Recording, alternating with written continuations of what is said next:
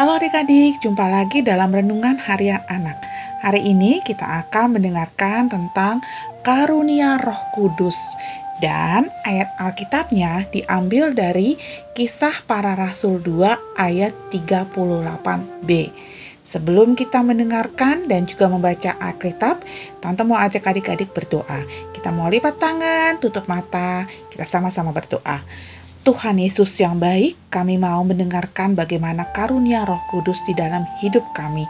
Bantu kami Tuhan agar kami bisa mendengarkan dengan baik. Terima kasih Tuhan Yesus yang baik. Amin. Dan adik-adik kita mulai ya membacanya. Tante membacakan dulu ayat Alkitabnya. Kisah para Rasul 2 ayat 38b. Bertobatlah dan hendaklah kamu masing-masing memberi dirimu dibaptis dalam nama Yesus Kristus untuk pengampunan dosamu, maka kamu akan menerima karunia Roh Kudus. Bintang terlihat lesu saat makan malam bersama. Papa pun menjadi penasaran. Bintang, ada apa? Kamu sedang sakit? Kok makannya nggak semangat? Bintang besok ulangan agama, Pak. Tapi Bintang masih belum mengerti bahan ulangan besok.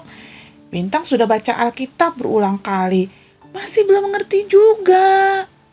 Kak Bintang pasti lupa berdoa sebelum baca Alkitab celetuk bulan sambil mengunyah telur dadarnya.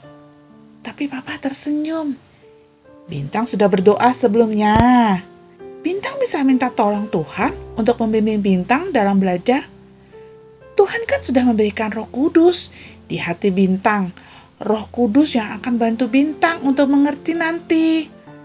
Dengan tersipu malu, Bintang berkata, Iya sih, Pak. Bintang tadi buru-buru, jadi lupa berdoa. Nanti Bintang berdoa dulu deh sebelum belajar lagi ya, Pak.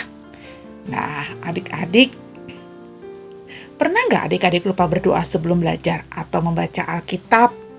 Apa yang terjadi setelah itu? Dan Tuhan sudah mengaruniakan roh kudus untuk kita. Bagaimana cara kita bersyukur atas karunia roh kudus? Nah, kita sama-sama lagi mengingat dan mengatakannya secara bersama-sama. Tuhan memberiku karunia Roh Kudus. Sekali lagi ya, sambil bersuara dengan lantang. Tuhan memberiku karunia Roh Kudus. Nah, adik-adik, yuk kita sama-sama tutup dengan doa. Kita mau berdoa dan tutup mata.